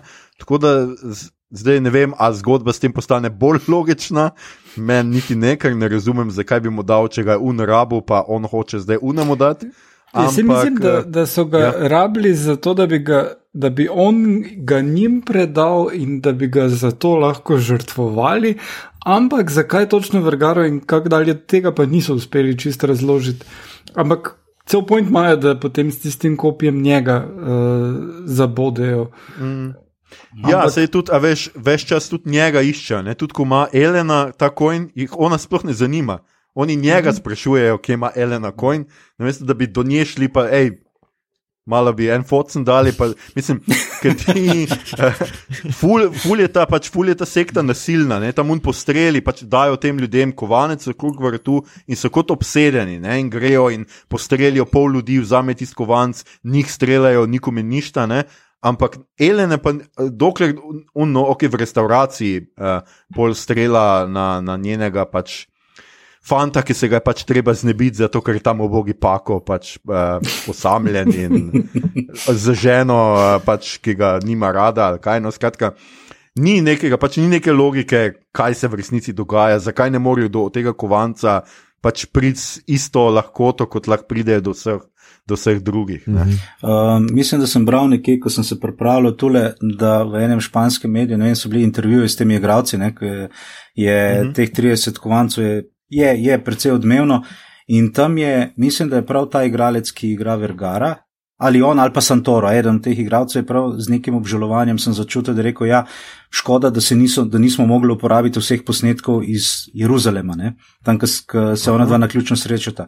Tako da mogoče, ja, ja ne vem, pravi, da, da je šlo za neke, neke druge razloge, ne vem, tudi dovoljenje za snemanje ali pa, ne, pač, ja. Uh, no, skratka, mogoče je tam kaj um, bolj pojasnjeno, zakaj ravno Vergara in zakaj je on tak poseben, to vse, kar ste zdaj rekli. Ne? Zakaj, zakaj on to kven seka v tem, da je po eni strani nedotakljiv, po drugi strani je pa dobesedno boksarska vreča. Ne? Mhm. Ja. Ja. Ja. Ja, zelo dobesedno je. Tu, tudi mi je všeč tam, ko so v tele, pač, a so tam v Siriji, pol, skratka, Ja, ja, tam na ja. koncu. No, Ker mu tisti uh, najbolj zabavno mi je, ko mu da ključe, pa mu reče: Glej, ta avto, parkirali smo ga točno pred stražo, policijsko, pač ti moraš tja in s tem avtom iti. Da best, rajši bi ga pustili v uni luknji, resno. Ja. Takšni reševal, takšnih reševalcev noben ne rabi, resno. Uh, skratka, ti se mi je zdelo kar, um, kar zabavno in duhovito. Um, To s- Aljoša, ti tebe, bi, če bi še resli, bi še tam sred Sirije, Keren, vse ko je, čakaj malo, no, jaz bi, I want to speak to the manager, pizda. Ja, sam je, ne. Ta, ta Sirija je res, mislim, se tudi včasih, vse probam razumeti logično, zakaj scenarij, ne, ker je to Sandro reče v zaporu, da se tudi on skriva pred Santorom, ki ratuje vse bolj moč in celo papeže obvladuje in ne vem, kurijo in ne vem kaj. Um, in se skriva tam, kjer je ve, več, največ mizerije, zato da se on ne čuti, da ga zakriva mizerija drugih, da ga zakrije. Ne? Ok, razumem, taka zanimiva, zanimiva poanta vse in kao in mu tisti egzorcist rimski. Učitelj, ki ga ven vrže iz predavanja, ampak jaz po mojem mislim, da ona dva zelo ohranita stik, ker Vergara je zelo naučen, se to si ti Aljoša rekel, ne, da ima neko izobrazbo, to eksorcistično, s to, ko, ko jo mm. pokaže s to grlico, ne, kar nekaj v roke, pa ne vem, gor in dol. No, skratka, da um, uh, kako se on kar pojavi v Siriji, ne vem, kar s taksijem je prišel ali kaj. Mislim, ne vem. Ok, ne, mislim, ampak če ste vi taka močna organizacija, če hoče pokazati, ne, da je to zdaj ena močna proti drugi močni organizaciji, polje vse to, kar ste zdaj rekli, so to taki hude jame v plotu, ne. Mislim, zakaj pol ne upravite mm. zeleno in pakotom in celo pedraco, mislim, vi lahko mesto pol predstavite v drugo poštno številko, če vam paše, ne, mislim, kaj, ne. Uh, pol se ne ote sem z dvema Mercedesoma, pa tremi škodami, pa eno kijo prepeljali, ne, pol boste, ne vem, z letalo nosilko boste pršali. Um, tako da, ja, to so te stvari, so me mal, pa, pa minutaže mislim, da je šlo mal preveč, tudi se strinjam na to Sirijo. Mm. Pa, se mi zdi veliko enih takih podplotov, ki mm -hmm. nikamor niso pelali um, in so mal zmedeni. No. Mm. Ta, Ja, tak občutek malo je je, bilo no. tega. Ja, ja. občutek. Ja, ja. ja, zelo je bilo tako pogosto, ne, da ko, lik, ko, je, eh, ko je zgodba rabila, da lik neki full hiter razume, je takoj vsi, ja, ja, to je res, dajmo se boriti. Ko ni, pol smo malo klevali. Mene je bila ena najboljših ta scena, ki pride tale z druge strani ogledala, skratka, padre pride z druge strani ogledala in hoče, da mu Elena preda kovanec in mu ga seveda hoče dati in vidi na uri, da ima, obra, da ima odsev, pa skratka številke so drugače obrnjene tako kot v ogledalo, to se mi je zdelo tako zelo James Bondovsko, ali, ne, ali je to, a je v James Bondu, ali on prepozna po številkah v. V, v, kako on Golden uh, Finger, ni, ni, ni tako. Ja, v špeglu ga prepozna. prepozna. Ja. Ja, samo ga prepozna tako, da mu ni, ker je imel, uh, ne v špeglu, Aha, ker je imel vse prste, ker v eni sceni prej uh, Goldfinger Bondu, od, lutki Bonda odstreli vse prste. Ne. Tako nekako je točno. ja. Vidiš, ni bila ura, nekje Mhm. drugje očitno. A Man bila, with the ampak golden to vem gun. od nekod. The Man with the Golden Gun. Ja. Goldfinger. Ja, Ja, ja, no, itak to sem mislil. Ne, ja, ura je drugače prominentna v Zato, Interstellarju, ampak uh, let's not talk about that. Skratka, ja, pač ona vidi to uro in pač. Aha, pač ti si unga odrine, zbeži noter in poli unkar pomaga, ne da bi jo enkrat vprašal, ej, kaj si mu, naredil, zakaj si ga odrinila, kaj se je zgodilo z uni. In unkar ve, ja, to je un z druge strani ogledala. Ja, mislim, tiste ure pa meni, da ja, on ni videl skozi njo in ne vem kaj. Tako da na trenutke sem kar mal pozabili na eno neko Mm. mm. pač, mm. logiko no, pri vsem skupaj. Pustimo to, da pač megla zajame celo mesto in da pač od zunaj, pač očitno je to mestece res popolnoma odrezano od vseh drugih krajev, da tega noben ne vidi tri dni in da noben ne more, ok, nihče ne more ven iz mesta, ampak telefone še vedno meni, da imajo. No? V megli še signal pada. Ja. Um. ja, mogoče je bila te vrste megla. Je pa res, da Unista se 14 dni skrivala v katakombah, polje pa ona prišla ven, pa po arhivu iskala zlučko z telefona. Tako da, gledaj, ja, katakombe, ja, ja. ki imajo vtičnice, so vseeno, jaz mislim, da fine katakombe. No? Um, ja, pa tiste bodegas, ne? Mislim, to, to je krasno, to me spomnilo, de, de, dejansko, ko on uh, grlico prenese pako ne? in Elena tam s pištolami in za mizo in okrog so te ogromne ne vem, a, a se reče amfora za take ogromne vrče mm -hmm. ali, ali kak drug izraz. Ja, ja. Ne, je, je. Ampak, no, v glavnem, jaz sem takoj pomislil na tisto epizodo Aleksandr Dima, ko se Atos pa njegov služabnik v tisti gostilni zapreta v klet in začneta pit in začneta jesti. In potem gostilničar, ko D'Artagnan končno pride iz Anglije nazaj, ga prosi, če lahko mu pomaga, da ga ven spravi, ker ga bo na kant spravil.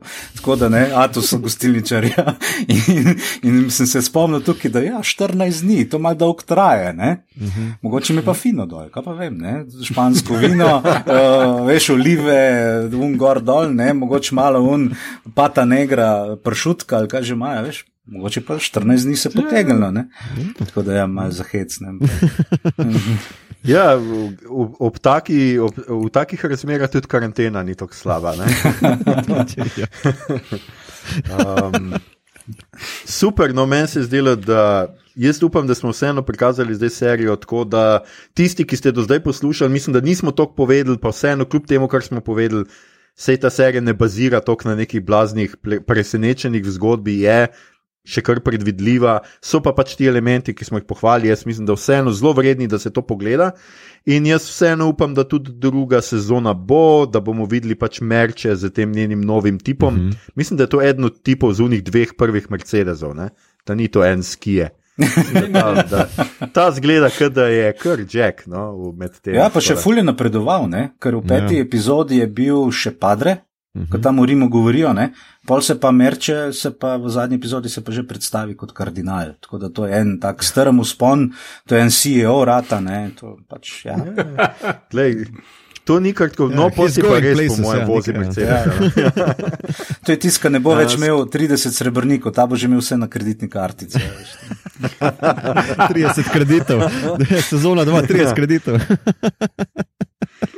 No, skratka, jaz pač upam, da, da druga sezona vseeno bo, no, mi se bomo veselili, gotovo jo bomo tudi pogledali. Uh, in um, smo v uh, Star Trek kotičku, kjer nam je Mito pripravil nekaj, uh, domnevam, da Star Trek epizodov, v kateri jedo pršut. Ne. In uh, ne. zelo Mislim, veliko ne. strastno seksajo. Ne. Ne.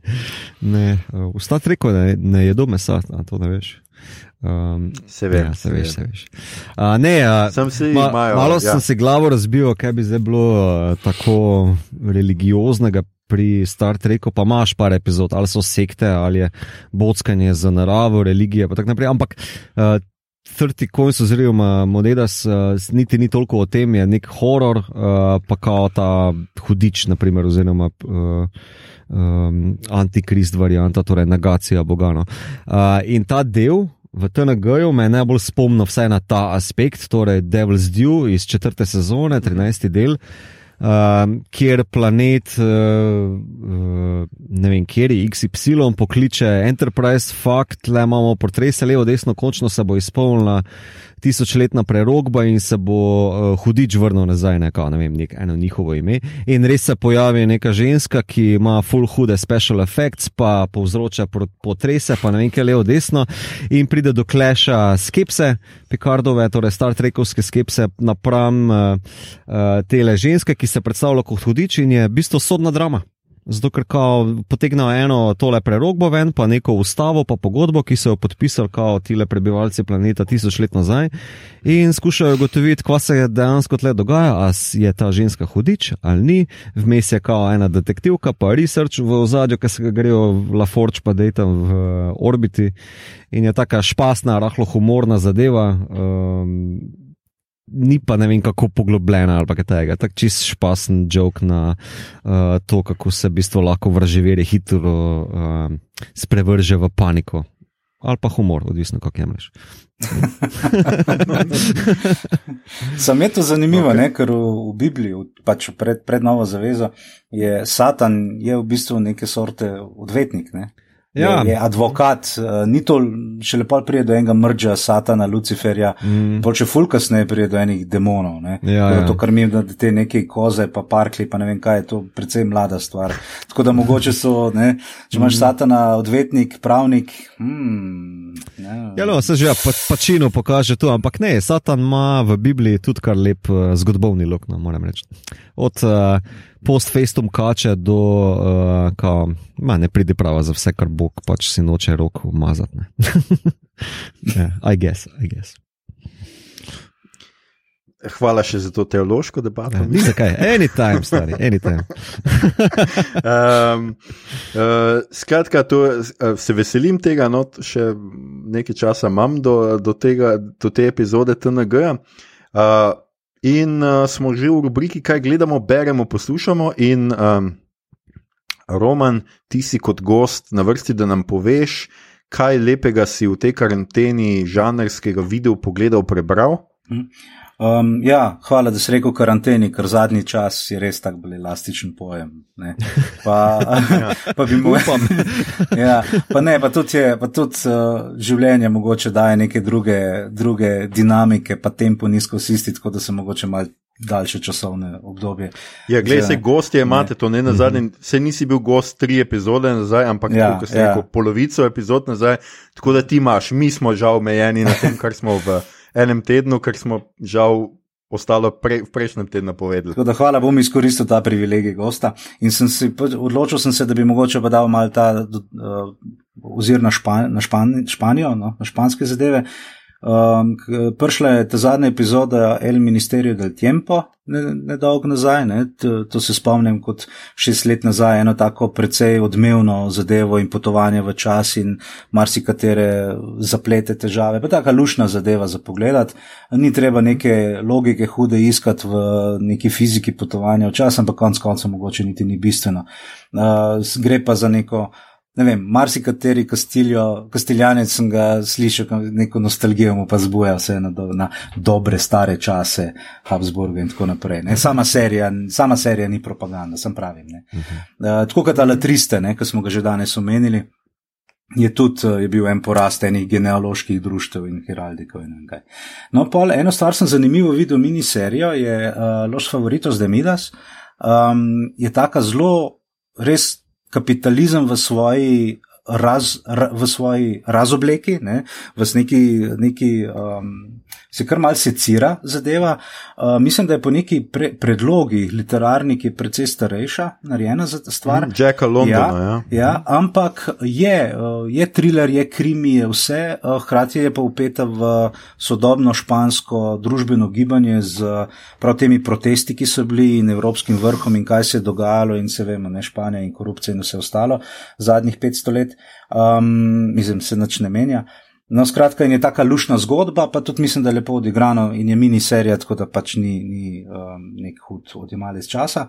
Uh, potem se mi je zdelo zabavno moment, uh, pogledal sem ta The Warrior Nun, kar je ubrisana zgodba, ne, kako zdaj nune pa bojevnice In se mi zdi to hilarious dobro narejeno. Prav taka lušna stvar, ena taka, ne vem, to je po stripu, ne vem, ne poznamo zadja ali kak strip za tem ali ni, ampak jaz sem se prav zabavil. Uh, zadeva je taka, kot en Beverly Hills na potenco z mal več nasilja in Tarantinovstva in pa še neka zgodba, jasno, spet je Vatikan vsega kriv, ampak glej, ne, pač, mm. pač kaj se pa grejo, ne, vse.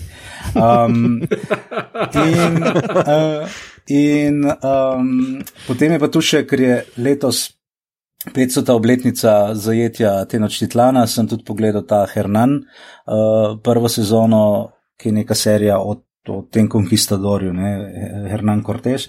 Ah, pričakoval sem, pričakoval sem nekaj. Killer, ja, pričakoval sem tako, ne, ali ful neko ga zgodovinsko whitewashanje, mm -hmm. ali pa da je totalno demoniziranje. Ampak sem tako nekako videl, da gre za en lušen pristop z velik menjanja, time, skakanja po timelineu in je zato mal zmeda. Um, lušno posneto v smislu video doživetja in v prvi, epizod, v prvi sezoni je pač tako, gledaj, ne, good guys, bad guys, to je zelo tako. Ja, oni pridejo, točno se ve, kaj hočejo. Ti kot gledalec točno veš, da ajde, me prav zanima, si, sem si rekel, prav me zanima, kako bo zdaj proval konkistadorje oprati. Ajde, mm. ne, show me, impress me. Ne. No, in ne bom zdaj povedal, ampak ne, na koncu vsi so krvavi. Mislim, ni. There are no good guys, they're just tukaj se reče, sem živi, pa mrtvi so. Uh mhm. -huh. Kar je zanimivo, pristop bomo videli, kaj bo druga sezona. No, in na koncu še ena stvar, ki je pa um, ni španska, me pa um, impresionirala s pristopom, je pa Romulus. Um, mislim, da je italijanska produkcija, če, se, če sem prav razumel. Jasno, gre za pač to, kako Rim nastane in tako naprej. Ampak zadeva je postavljena v tako eno lušno, bronastodobno okolje in to, kar me je pa sezulo, je bila pa protolatinščina. Ne. Dejansko so govorili protolatinsko, sicer jaz ne vem, če, če so pravilno govorili, ampak tisto, kar malega se spomnim iz klasične filologije, študija pa je in jaz sem užival v tem, ravno tem enem pristopu. No. Tako to, kar se pa knjig tiče, pa žanrsko priporočam The Screwtape Letters, to je ena stvar, ki bi jo človek lahko na vsake toliko v roke vzel pa bral. V slovenščini je prevedeno pismo izkušenega hudiča, pa niti ne tako dolg nazaj prevedeno, se mi zdi. In pa najdel sem The Devil's Dictionary, ki je pa dejansko kot neki hudičev, hudičev leksikon eh, s pojmi in razlagami, uh, recimo kot, ne vem, takimi predvsej ciničnimi, kot recimo The Ocean, ne, pa pravi, ja, to je dve tretjini sveta, ki ga je Bog ustvaril za človeka, ki nima plavuti. Ne? In, in, in, in na take stvari. Um, pa, ne, če sem pa pravilno prebral, je pa se stvar začela tam nekje v 80-ih letih 19. stoletja skupaj dajati, tako da je tam kar precej takih kar rasističnih, ki so mogoče takrat v Ameriki, stvar je ameriška, takrat veljale za ok, sploh za drugačne barve polti in tako naprej, ampak ki danes pa, pa enostavno sploh se ne bomo pogovarjali o tem, ampak hočem reči, tega je tudi precej noter. Uh mhm, -huh. Tako da ja, to, to bi mogoče bilo z moje strani. Nice. No, super. Posebej je super, ker to je bilo res kar nekaj teh evropskih produkcij, Jaz sem za ene stvari slišal, ene stvari smo delili tudi na naših omrežjih, tale za tega Mida se, se namreč spomnim, da smo trailer delili, ampak nisem pa pogledal in to lepo slišati. To je zakon. Kar zanimivo. Kar no, no, moram pogledati, no. to, to that's my shit. Mi to ima rad, ko so samo uh, živi ali pa mrtvi. That's my shit, tako. uh, skratka, na vrsti je Igor, ki je uspel nekaj pogledati v, v zadnjem tednu, uh, par stvari. Igor, Ja, uh, torej najprej sem dokončal eno knjigo, uh, My Best Friend's Exorcism, pa se mi zdi, da kar lepo se vklopi tu not. Um, in sicer gre za uh, knjigo Gradyja Hendrixa, ki sem že pred uh, par tedni, meseci, uh, hvalil um, njegovo knjigo, um, tale Southern Book Club z. Um, Guide to Slaying Vampires. In uh, tole je v bistvu dost povezana zadeva. Um, dogaja se v istem kraju, samo da tukaj o najstnicah, ki se ena od njih, njih postane, dve prijateljice, sta ena od njih jo obsede nek demon in se pač grozne stvari dogajajo. Uh, point je pa večino knjige, kako ne smeš zaupati odraslim. Ker kakor hitro ta glavna junakinja proba pomagati svoji prijateljici, tako da pove njenim staršem ali pa svojim staršem ali pa učiteljem, da pač nekaj čudnega se dogaja, a bi kdo lahko pomagal. Vse stvari slab, slabše končajo za njo, potem si najde enega nabildanega uh, eksorcista, ki imajo neki Bible show, kako ti Bog pomaga, da si bolj mišičast in močen. Mislim, prav res zabavni liki so not. Uh, in na koncu premaga tega demona na uh, ful dober način, ki ga ne bom spojil, zdaj če bi kdo bral, ampak vključuje Fila Kolinca. Zdaj mislim, da sem dovolj povedal. Uh, Uh, skratka, priporočam, uh, lušna zadeva je pa uh, Southern uh, Book Club's Guide to Slaying Vampires bistveno boljši, ker je bolj kompleksna štorija, pa uh, dost tole pač se obada s tem, da najstniki imajo probleme z odraslimi, tam pa imaš ful več uh, uh, teh družbeno-kritičnih stvari. Um, pogledal sem do konca serijo Vse punce mojega brata, Vojo Original, um, slovenska zadeva, Vit in Domen Valič sta glavna igralca, poleg mm. Beti Strgar in uh, Ajde Smrekar. In uh, je pa v bistvu, po mojem, slovenski, najboljši slovenski sitkom. Do, dok nisem tega videl, sem pač bil mnenja, da je v dvoje, uh, ker je tudi dvojotov, uh, ki ga je Marčetič naredil uh, najboljši, ampak tole je dejansko malo boljši. Uh -huh. uh, pa Marčetič. Marčetič je tudi not. Uh, igra psihopata, ki uh, daje v glas, da išče cimra in potem pač proba ubiti ljudi in pokazati nože. Ja, se pa sploh ne uh, igra, ni težko. ne, ne, se Marčetič nima nekega razpona, ne, igralskega, ki pač ni igralec, uh, ampak zna to, zna to zelo vredno izvesti. Um, Pač zadeva je pa drugače, pač taka do situacijska komedija. Dva brata, ki skupaj živita, pa eden, ta starejši, proba prepričati drugega, da bi šel ven, da bo ta spunco lahko imela flet, on pa pač celo sezono išče, bolj manj, kje bi lahko bil z raznimi čudaki živel, ali kako bi se to zmenili, hkrati pa položi vse punce, ker, uh, ki grejo mimo, ker pač eh, vid uh, vali, če igra na to persono. In um, jaz sicer nisem kaj dosti njegovih stand-upov gledal, ampak se mi je vedno zdelo tako, eh, eh. Mal krinži, ampak tule je pa res, res super. Uh, pa celo zadevo je režiral uh, Jani Virk, uh, ki je naredil um, tisti uh, doku za HBO um, o uh, raketnem programu Jugoslavijskem. Ah, Houston, we have a problem. Je, to, to. Mm. Uh, Tako da, ja, ful dobro narejeno, ful priporočam. Uh, prv, pol prve epizode je na YouTubu, ostale pa na voljo. Mm. In uh, popolno razočaranje uh, je pa bilo Coming to America, zdržal sem 20 minut, to je nadaljevanje Princi Zemunde. Um, ne, ni gledljivo. Uh, mislim, Eddie Murphy je najel ene ljudi, da je ta film nastal. Uh, prvi film je bil Murphy scenarist in je bil z pač, srcem v tem liku in to. Tukaj pa ni bil scenarist, ampak je bilo bunch of white guys in on mal je tam v filmu, pa Resinijo je v filmu. Aha. Pa James Earl Jones je v filmu, pa pač so tam. Pa po 20 minutah ti je malo dolg čas, pa tako moj resist vse skupaj, ali se sam meni zdelo, ne vem, tako vsekakor pa ni smešno. Uh, okay. Tako da, ja, okay. prav. Uh, mislim, Amazon, kjer je ta film na voljo, ima tudi uh, Coming to America izvirnik, ne, ki nima dve v imenu. Uh, in je tisti film še vedno v redu, in, in lahko čist mirno, na mesto da tega novega klikneš, malo dvakrat levo, pa onega klikneš, pa imaš dve uri, se fajn. Da, ja. okay. uh, hvala, hvala za to deziluzijo. Jaz bi sam hotel, sem sam reči, ne vem, če si mislim, da nisi pravega imena povedal. Žiga Virc je režiser uh, Houston, da je problem.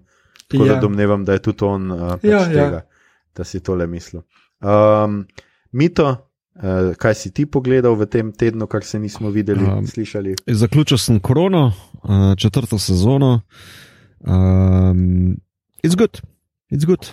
Priporočam vsem, uh, mislim, da je v uh, torej, tretja pa četrta z Olivijo Kolman uh, uh, zelo, zelo dvignil naše lestvico vsem tem uh, zgodovnim lokom, pa pripovedovanju. Pa konceptualizaciji te serije. No, tako da je res na koncu uh, zelo visoko postavljena letvica, tudi za novo zasedbo, ki prihaja v peti in šesti sezoni. Um, Tako da, ja, za britanofile je to skoraj da musno. Um, sicer nisem britanofil, ampak mm. sem isto užival v tem. Um, pa pogledal sem en kratek dokumentarec na Netflixu, kako smo prej rekli, Age of Samurai. Tako, če kdo to želi pogledati, that's my shit. Um, ni ne vem, kako dober, ampak je pa špasen, če si ni ponofil. Tako izrazil. Ja. Um, mhm. Še bolj me je pa navdušil, če si uh, torej Amerik kanofilska zadeva. Nomadland, uh, ki je uh, nominiran za najboljši film uh, od Chloe Zhao in to je pa res the best film. No. Uh, kapo dol. Uh, In pristopu, in uh, režiji, in fotografiji.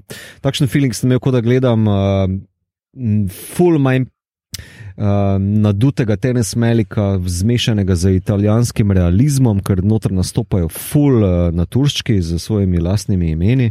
Uh, Frances McDormand je izjemna, zgodba je pa.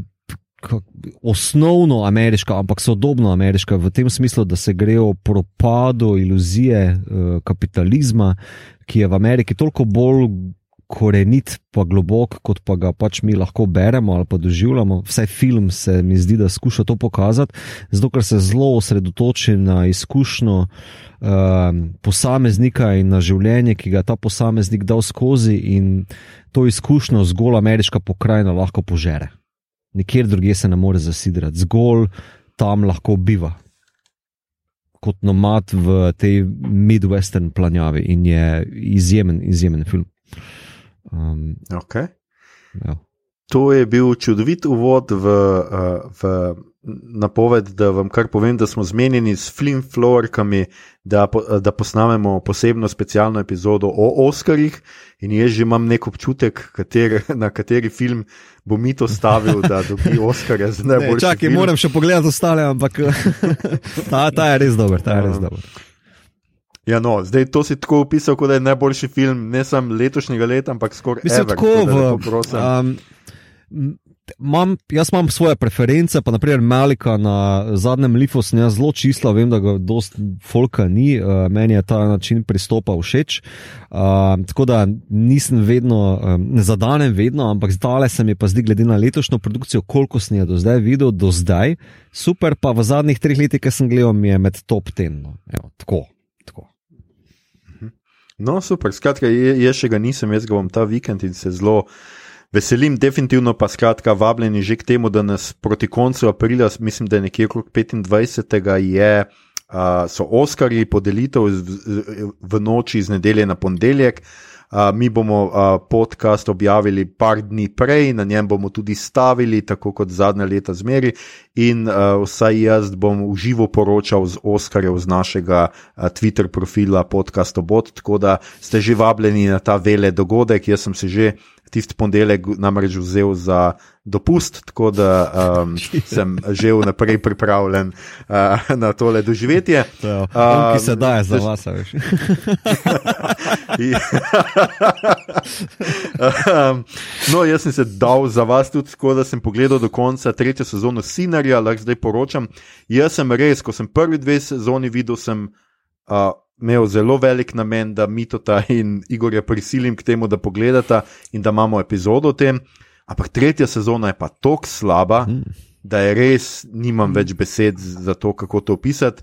Tretja sezona gre res v nek, uh, nek poskus pač tega nekega filozofskega umora, ali kako bi človek rekel, skratka, neka dva kolega sta, ki sta nihilista, ki sta um, ničejanca, ki eden mu napiše na poslu, gor übermensch in tako. In pol seveda je ta umor, je pač naslednja. Ne vem, logična stopnja, da pridete na on, on stran dobrega in zla, in tako, ampak to je tako prisiljeno. Glavni junak postane tako nerazumen, tako neracionalen. Ta primer, ta primer pade na vsaki točki, pade na sodišču, ker je toliko enih napak noter, uh, procesnih, detektiv se kar druži s tem uh, usumljencem. To je res tako, tako slabo. Samo da ne. To je, to je ful podobno kot rop, hičkokov, samo da raztegnjeno. Čist preveč. ja, pač pa postane zelo, zelo, zelo. Kot stranska absurdno, zgodba no. v Big Lebowski z onimi tipi, veš, nihilisti. Veš, da moni Lebowski. Mene v resnici, ja, mene v resnici malo spominja na Hannibala tako, kak je ta serija gre tako daleč, kot je šel Hannibal, ker je ta fascinacija glavnega detektiva z zločinom, pa z, z tem, z motivi, Mhm, zakaj mhm. nekdo nekaj naredi, pa z lastno Mhm. travmo. Tako pretirana, da on se pač že v njem identificira in nekaj. Design. Pač, aha, ja, ja. Ja, ja mam, res je slabo. Tako da, gled, če bo četrta sezona to res popravila in vrnila na raven prve, druge, se lahko pogovarjamo, drugače pa pač tole me res. Res razočaran in komaj sem pogledal do konca, ker sem bil že res, res siten, plus te zgodbene luknje, kjer glavni junak unesposobi uh, tega storilca, da on pade po tleh, pištola pade tako dva metra stran, potem pa on zbeži ven iz bajte v gost, un mu sledi, uh, ga udari, z, pospravi pištolo in ga z, udari z neko drvo, un ga odrine, zbeži nazaj v bajto in tam poišče pištolo v neki škatli in si tako. Ja, ljubi Bog, razumem, da si v paniki, v strahu, ampak tako se racionalni ljudje ne obnašajo. No. Ja, če si v A, paniki. Skratka, res, res grozno. Ne. Dobro. Dobro, zdaj- zdaj malo Jaz zveniš- paniki, ko sem to gledal. Malo zveniš, kot da ti si bil že 30 krat najmanj v takem položaju, pa nikoli nisi šel nazaj v bajto. Vedno si vedel, kje še najti kako dodatno pištolo. Je normalno. Jaz za vse svoje pištole vem, kjer so, ker nimam dobene. tako da. To je tisti jok na e-mail do Markos, ne, kaj nekdo reče, da je pet pištolov iskat, ker sem skril škatlo za tvojih čevljev. ne. Um, Okay, cool. ljudje in ljudine, če boste verjeli ali ne, to je bila že naša 82. epizoda. Poslušali ste podcast, ki se oglaša na ime Obot, podcast za serije, filme, risanke in knjige vseh žanrov od F do Z, ki ga gosti mreža Apparatus. Z vami smo bili Roman, Spider-Boy, Spider-Boy, Bučank. uh, mito, satanistični zdravstveni inšpektor. Oh, ja, Štegič. vedno. Um, Igor, prevelik ali premali, hard.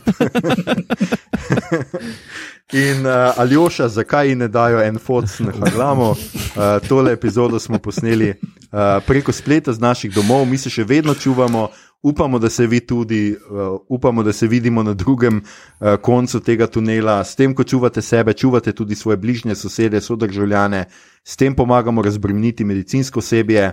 Uh, skratka, čuvamo se lahko samo skupaj, ostanimo skupaj tudi, ko smo narazen. Če vam je bilo všeč, kar ste slišali, šerajte, lajkajte naš podcast, naročite se nam preko vašega najljubšega appa oziroma ponudnika podcastov, dajte nam tudi kakšno ceno na Apple Podcasts, spremljate platformo aparatov z odličnim izborom podcastov za vsakega. In če boste v naslednjih dneh priča temu, kako krava povrže človeškega otroka, se kljub karanteni odpravite čim dlje stran, res čim dlje stran, brez premisleka, takoj. Sabo vzemite le najnujnejše, pasport, telefon in slušalke, da boste lahko poslušali podcast obot, mogoče še glavnik in se dobimo v Zanzibarju. Uh, mi lahko to snemamo kjerkoli, pravzaprav bi mogoče celo raje tam, dojenčki iz teleta gor ali dol. Uh, iz teleta, iz krave. Kako sem pa zdaj to iz. Dojenčki iz teleta, to pa Aljoša, to si pa ne bomo. Evo, to je abominacija. Skratka, Ja, a, a. Na Twitterju nas najdete kot adpodcast bot, na Facebooku in Instagramu smo podcast skajemo bot brez pikcev mestja, delimo rajcere, prikolice, druge zanimivosti in tja lahko usmerite vprašanje, pripombe, komentarje, biblične, biblične verze, predloge, kaj bi za vas pogledali naslednjič. Tole je bila že 82. epizoda, 26. special iz karantene, mi pa se znova poslušamo v 83. epizodi, čez manj kot teden dni najbrž, ko naj bi govorili o, ne boste verjeli, Snyderjevem odrezu lige pravičnih. Ja, prav ste slišali, šli bomo tja in preverili bomo, kako globoka je ta luknja. Uh, obodovke in obodovci, uh, do takrat pa nam le ostanite zdravi in se znova poslušamo. Lahko noč. Bene star. Ove. Hasta la próxima.